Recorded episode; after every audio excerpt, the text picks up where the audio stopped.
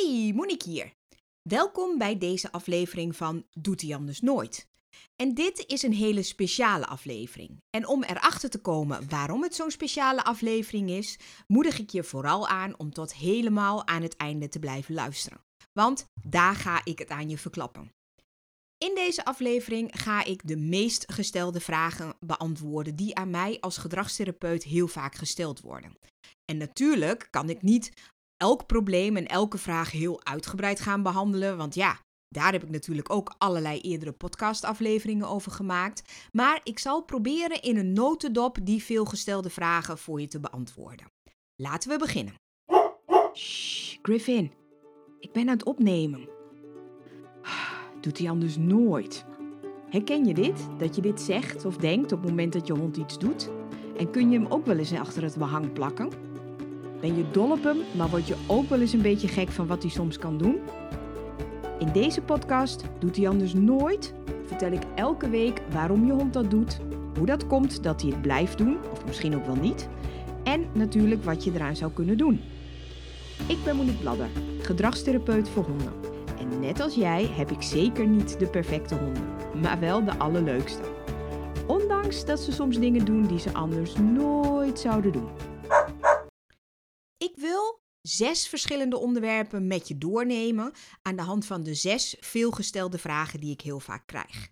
En een van de allergrootste problemen van hondeneigenaren, tenminste dat beeld krijg ik als ik kijk naar welke mensen naar mij toe komen met problemen rondom hun hond, is het meest grote probleem toch wel het uitvallen van een hond. En wat bedoel ik dan met uitvallen? Nou, dan heb ik het over blaffen, grommen, op zijn achterpoten staan, heel hard, heel hard aan de lijn trekken als je tijdens een wandeling een andere hond of een andere persoon tegenkomt. Het hoeft natuurlijk niet per se zo te zijn dat een hond dat doet als die aan de lijn zit. Het kan ook heel goed zijn dat je je hond bijvoorbeeld los hebt lopen en dat hij dan als een gek afstormt op een andere hond of op een andere persoon. Misschien ook wel een fietser of een hardloper. Wat ook nog kan, is dat je hond bijvoorbeeld eerst gaat liggen en dan vervolgens als er iets, dus een andere hond of een persoon dichtbij is, dat hij dan, ja, ik zeg altijd maar, explodeert. Alsof je uh, alsof die dan ineens, dan springt hij ineens heel erg op. En dan kan die of misschien toch wel een beetje gaan grommen of agressie inzetten. Of hij probeert dan iets te doen wat lijkt op spel. Dat hangt dan heel vaak af, wat een hond op zo'n moment doet, van de reactie van die prikkel.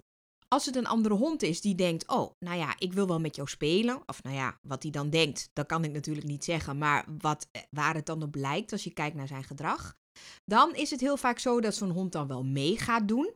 Als die andere hond het spannend vindt, zie je vaak ook dat het bij die opspringende hond, die exploderende hond zeg maar, ook wel wat spanning veroorzaakt. En dan kan het heel makkelijk zijn dat er een gevecht ontstaat. Nou ja, kortom, dat zijn de dingen die vallen onder uitvallen. En voor de meeste mensen is dat gewoon heel erg vaak een probleem. Omdat het heel erg ongemakkelijk is, het is vervelend en niet te vergeten, het is natuurlijk ook een echt gewoon groot risico dat er ergens een keertje schade ontstaat. En dat wil natuurlijk niemand. De belangrijkste vraag die ik dan ook heel vaak krijg is: wat moet ik nu eigenlijk doen op het moment dat mijn hond uitvalt?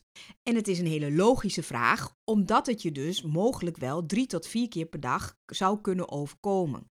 Zeker als je woont in een grote stad, in een drukbevolkt stuk, waar je gewoon ja, eigenlijk niet om andere honden of om andere mensen heen kunt. En als je iets aan uh, dat uitvallen wilt doen, geldt dat ik daar nooit één gouden tip voor heb. Dat geldt eigenlijk voor alles wat ik vandaag ga bespreken. Want één gouden tip, één snelle oplossing bestaat nou eenmaal niet. Als je gedrag van je hond wilt veranderen, zul je daar, heel vaak tenminste, meer voor moeten doen dan één dingetje aanpassen. Was het maar zo'n feest, zeg ik altijd. Want er zijn eigenlijk altijd gewoon meerdere dingen nodig, omdat er ook meerdere dingen zijn die een probleem veroorzaken. Maar als het gaat over uitvallen, kan ik je wel één tip aandragen die in elk geval in zo'n moeilijke situatie heel vaak kan, ervoor kan zorgen dat het niet escaleert. En de tip daarin is: zorg dat je veel voer bij je hebt en zorg dat je strooit met wat voer alsof je kippen voert. Dus niet als een zuilige Hollander één of twee of drie brokjes, maar echt een hele handvol. En als ik dat zeg, komen er altijd ineens een heleboel bezwaren. Namelijk, ehm, mijn hond eet niet als hij een andere hond ziet. Dat kan inderdaad. Dat betekent dan waarschijnlijk dat die andere hond of die persoon of datgene waar die op zou reageren, dat dat al te dichtbij is. Zoals gezegd, ik heb geen snelle oplossingen en ook geen toverstafjes. Dus het kan dan inderdaad zijn dat je zo dichtbij bent dat voerstrooien alsof je kippen voert, dat dat niet meer werkt. Een ander bezwaar wat dan heel vaak naar voren komt, is dat mensen zeggen: ja, maar ik wil niet dat mijn hond van de straat af eet. Dat snap ik ook, maar ik hoop dat je van mij aanneemt dat bij al die honderden mensen aan wie ik dit wel eens geadviseerd heb, dat daar maar heel zelden dat het zo is dat een hond of ineens eten van de straat gaat halen, dat hij dat eh, daar waar hij dat eerder niet deed, um, of dat het veel erger geworden is.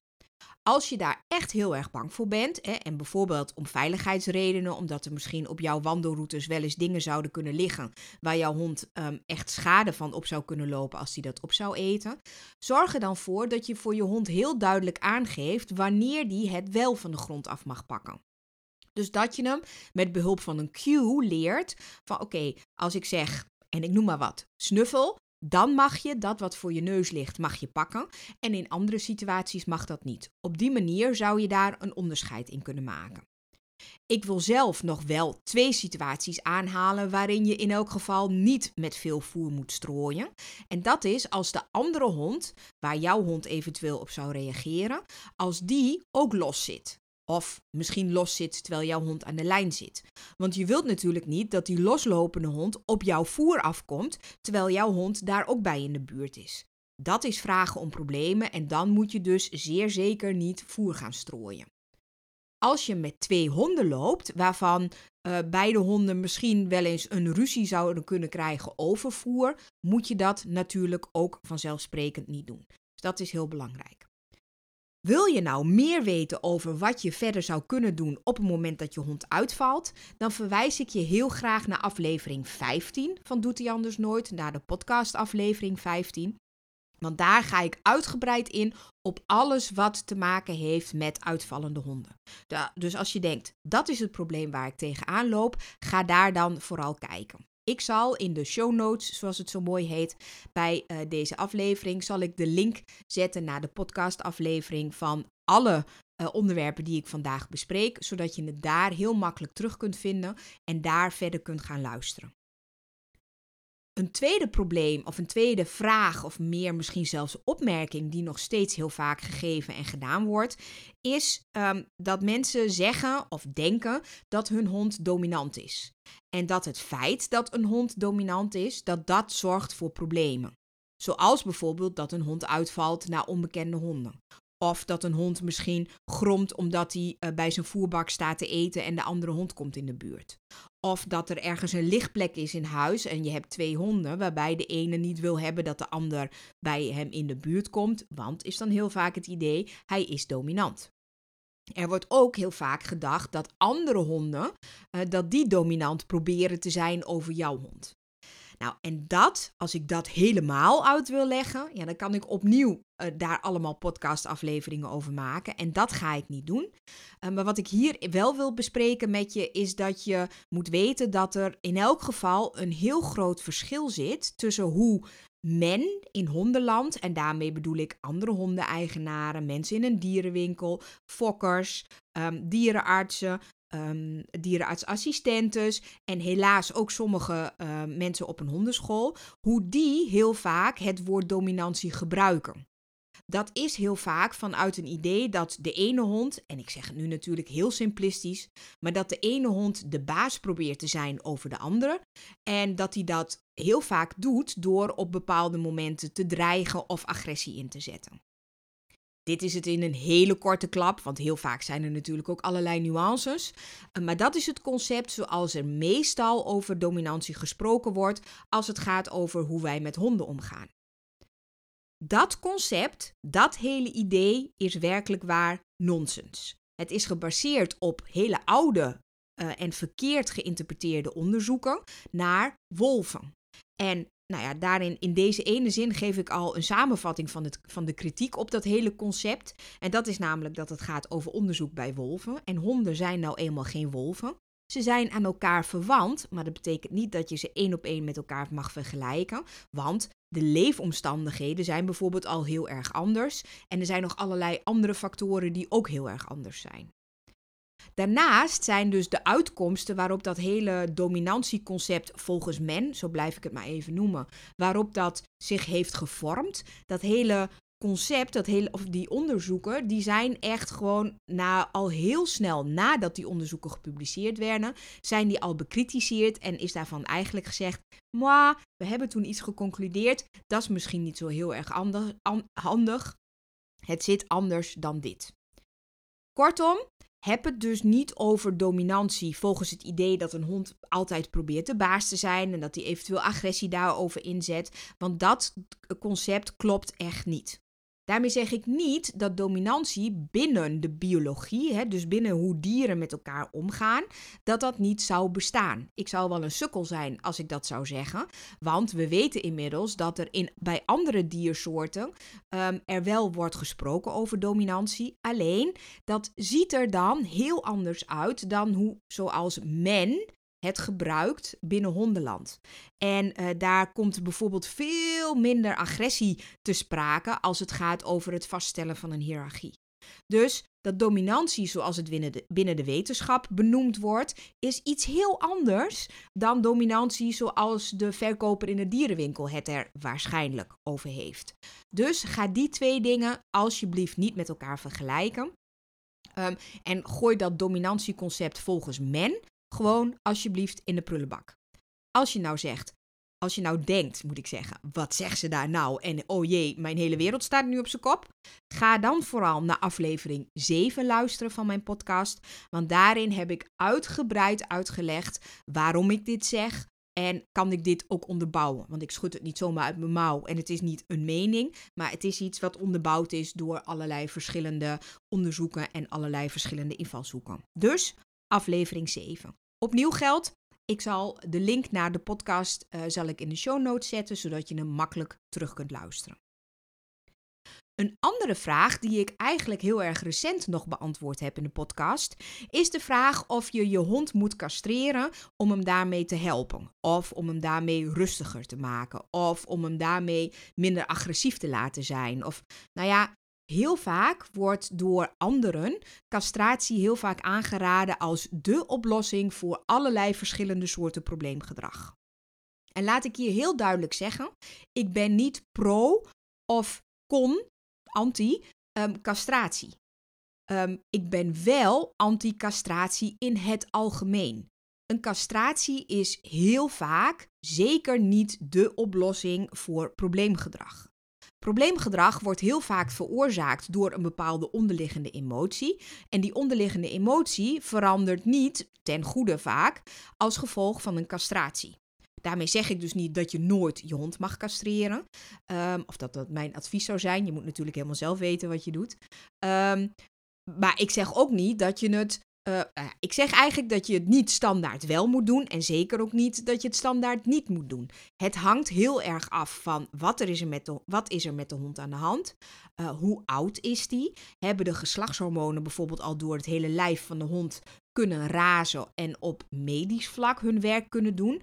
Uh, er zijn dus, als het gaat over castratie, een heleboel verschillende aspecten en dingen waar je over moet nadenken. Tenminste, wat ik vind wat belangrijk is om daarover na te denken.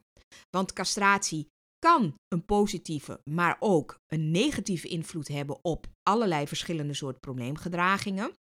Maar een castratie kan ook een positief en of negatief effect hebben op allerlei fysieke dingen.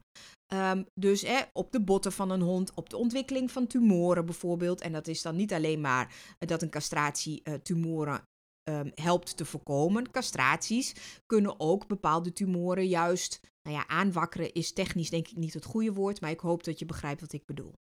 Overigens, als ik het heb over castratie, heb ik het niet alleen maar over het onvruchtbaar maken nou ja, eigenlijk de testikels weghalen bij een reu. Maar heb ik het ook over het weghalen van de eileiders bij een teef. Dat wordt heel vaak sterilisatie genoemd, maar het is eigenlijk een castratie omdat er dus iets weggehaald wordt. Denk je nu, oh, hier wil ik meer over weten. Nou, dan komt dat goed uit, want aflevering 30 gaat helemaal over castratie, schuine streep, sterilisatie in relatie tot probleemgedrag en ook allerlei medische aspecten die je daarbij, wat mij betreft in elk geval, in je afweging mee zou moeten nemen. Een ander Ehm, een ander probleem wat heel vaak ehm, aan bod komt en wat mij, waar mij heel vaak een vraag over gesteld wordt. Um, en dat is de vierde vraag die ik vandaag probeer te beantwoorden. En dat is de vraag, en die is zeker na corona alleen maar meer uh, naar boven en naar voren gekomen. Is hoe je nu eigenlijk een hond leert om alleen te zijn in huis. Zeker als er al een probleem is, maar ook bij het aanleren daarvan. Heel vaak wordt een advies gegeven: oké, doe je hond in de bench en bouw dan de tijd heel erg rustig op. Dit is wel de hele korte klap, maar dat is soms ook hoe het advies zelfs gegeven wordt. In zo'n korte klap. Ehm, en dat geeft mogelijk allerlei verschillende problemen. Uh, en dan is het belangrijk om te weten dat als een hond niet alleen in huis kan zijn, of als je hem dat nog moet leren, dat het niet alleen maar gaat over het opbouwen van de tijd.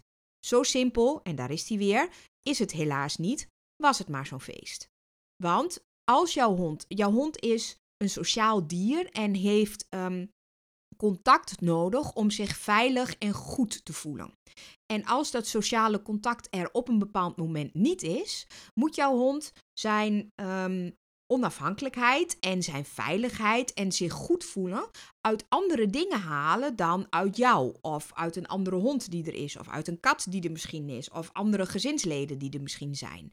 Hij moet daar dus een andere uh, context omheen bouwen. En um, ja, ik leg dat in mijn lessen altijd uit in mijn online cursussen aan de hand van een zogenoemd veiligheidskoffertje. En het gaat dus om meer dan alleen maar tijd opbouwen. Sowieso is het nooit een goed idee om een hond in de bench te doen en het deurtje dicht te doen en maar weg te gaan. Zonder dat je hem goed geleerd hebt dat zo'n bench ook heel erg oké is. Uh, dat hij zich daar veilig voelt, dat hij dat prettig vindt en dat hij niet van streek raakt op het moment dat je het deurtje dicht doet. Daar gaat, zeker bij pups, nog wel eens wat mis. Helaas wordt nog heel vaak het advies gegeven: doe de pup maar in de bench, doe het deurtje dicht. En als die huilt, laat hem en jankt of joelt of blaft, laat hem dat maar net zo lang doen. Hij houdt er vanzelf mee op. Nou, als eerste is dat ontzettend vervelend voor de buren en voor jezelf. Maar minstens net zo belangrijk is dat het heel erg triest is en sneu is voor je pup. Die komt uit een omgeving waar er eigenlijk altijd iemand bij hem in de buurt is. En als hij dan in een nieuwe omgeving, in een bench terechtkomt, op een plek die hij niet kent en hij wordt helemaal alleen gelaten en hij kan daar niet uit, voelt hij zich ontzettend eenzaam. En door hem dan maar te laten janken, blaffen, joelen en dat soort dingen, creëer je eigenlijk al, of plant je eigenlijk al een allereerste zaadje om je hond problemen te laten ontwikkelen met het alleen zijn. Dus dat is nooit een goed idee als je een pup hebt, ga of naast je pup slapen um, beneden op een matras en ga dat zo steeds verder afbouwen. Of laat je pup uh, op een veilige plek naast je bed liggen, zodat je dat hij altijd contact met jou kan maken in die eerste periode. En ook daarvoor geldt, dat kun je dan langzaam afbouwen, dat je pup steeds wat verder naar beneden gaat, totdat hij ook daadwerkelijk de leeftijd heeft en het aan kan om echt alleen te zijn. Ook over dit onderwerp geldt. Daar eh, zou ik nog weer hele podcastafleveringen over kunnen maken. Uh, maar dat ga ik niet doen, want dat heb ik al eens gedaan. En um, als je daarover meer wilt weten, ga dan luisteren naar podcastaflevering nummer 24. Waarin ik met name ook bespreek waarom je veel meer moet doen dan alleen maar tijd opbouwen. En ook waarom dat is. Dus check dan vooral aflevering 24 als je je hond wilt leren om alleen te zijn. Um, of als je daar issues mee hebt, of als je hond daar issues mee heeft en als je daar iets aan zou willen doen. Het vijfde probleem wat ik vandaag nog met je wil bespreken is dat, um, en zeker nu we um, langzaam maar zeker van richting de herfst slash um, het najaar slash winter gaan, dat um, er een heleboel honden zijn die bang zijn voor geluiden, zoals bijvoorbeeld vuurwerk en denk aan onweer, maar ook andere geluiden uh, of misschien zelfs voorwerpen. Denk aan verkeer, maar denk ook aan kliko's of nou ja, wat je ook maar op straat of in huis tegen zou kunnen komen en waar je hond dan bang voor is.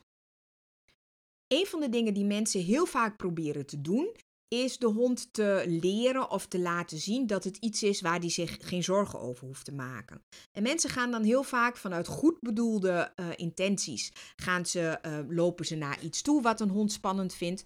Of als een hond bijvoorbeeld het geluid spannend vindt, laten ze dat nog vaker horen vanuit het idee, dan wendt hij er wel aan. Maar voor een heleboel honden is dat echt too much. Het zorgt er heel vaak voor, of het zou er heel vaak voor kunnen zorgen, dat ze alleen maar nog banger worden. Dus als jouw hond ergens bang voor is, confronteer hem daar niet de hele tijd mee, want dan is de kans alleen maar groter dat het probleem meer wordt en erger wordt.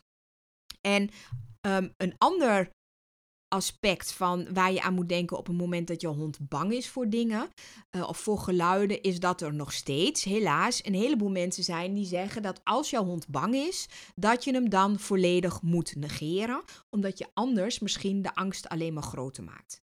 Nou, lieve mensen, dat is echt de grootste onzin die er bestaat. Een hond wordt niet banger als je daar iets aan koppelt wat voor hem of haar leuk is.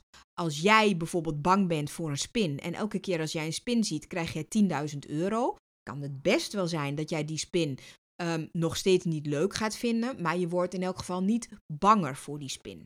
En zo werkt dat voor honden dus ook.